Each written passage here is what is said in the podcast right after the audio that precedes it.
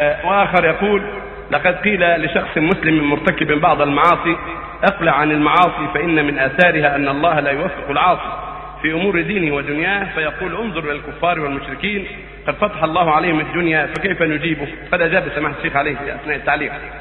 هذا واضح هذا هذا يغتر به المغترون أيوة. ولكن لهم لو تفكروا ونظروا لعرفوا أن أن إملاء الله لهؤلاء يضرهم ولا ينفعهم كما قال جل وعلا ولا يحسبن كفروا انما نولي لهم خير لأنفسهم. إنما نولي لهم ليزدادوا اثما ولهم عذاب مهين نسأل الله. ويقول سبحانه ولا تحسبن الله غافلا عما يعمل الظالمون.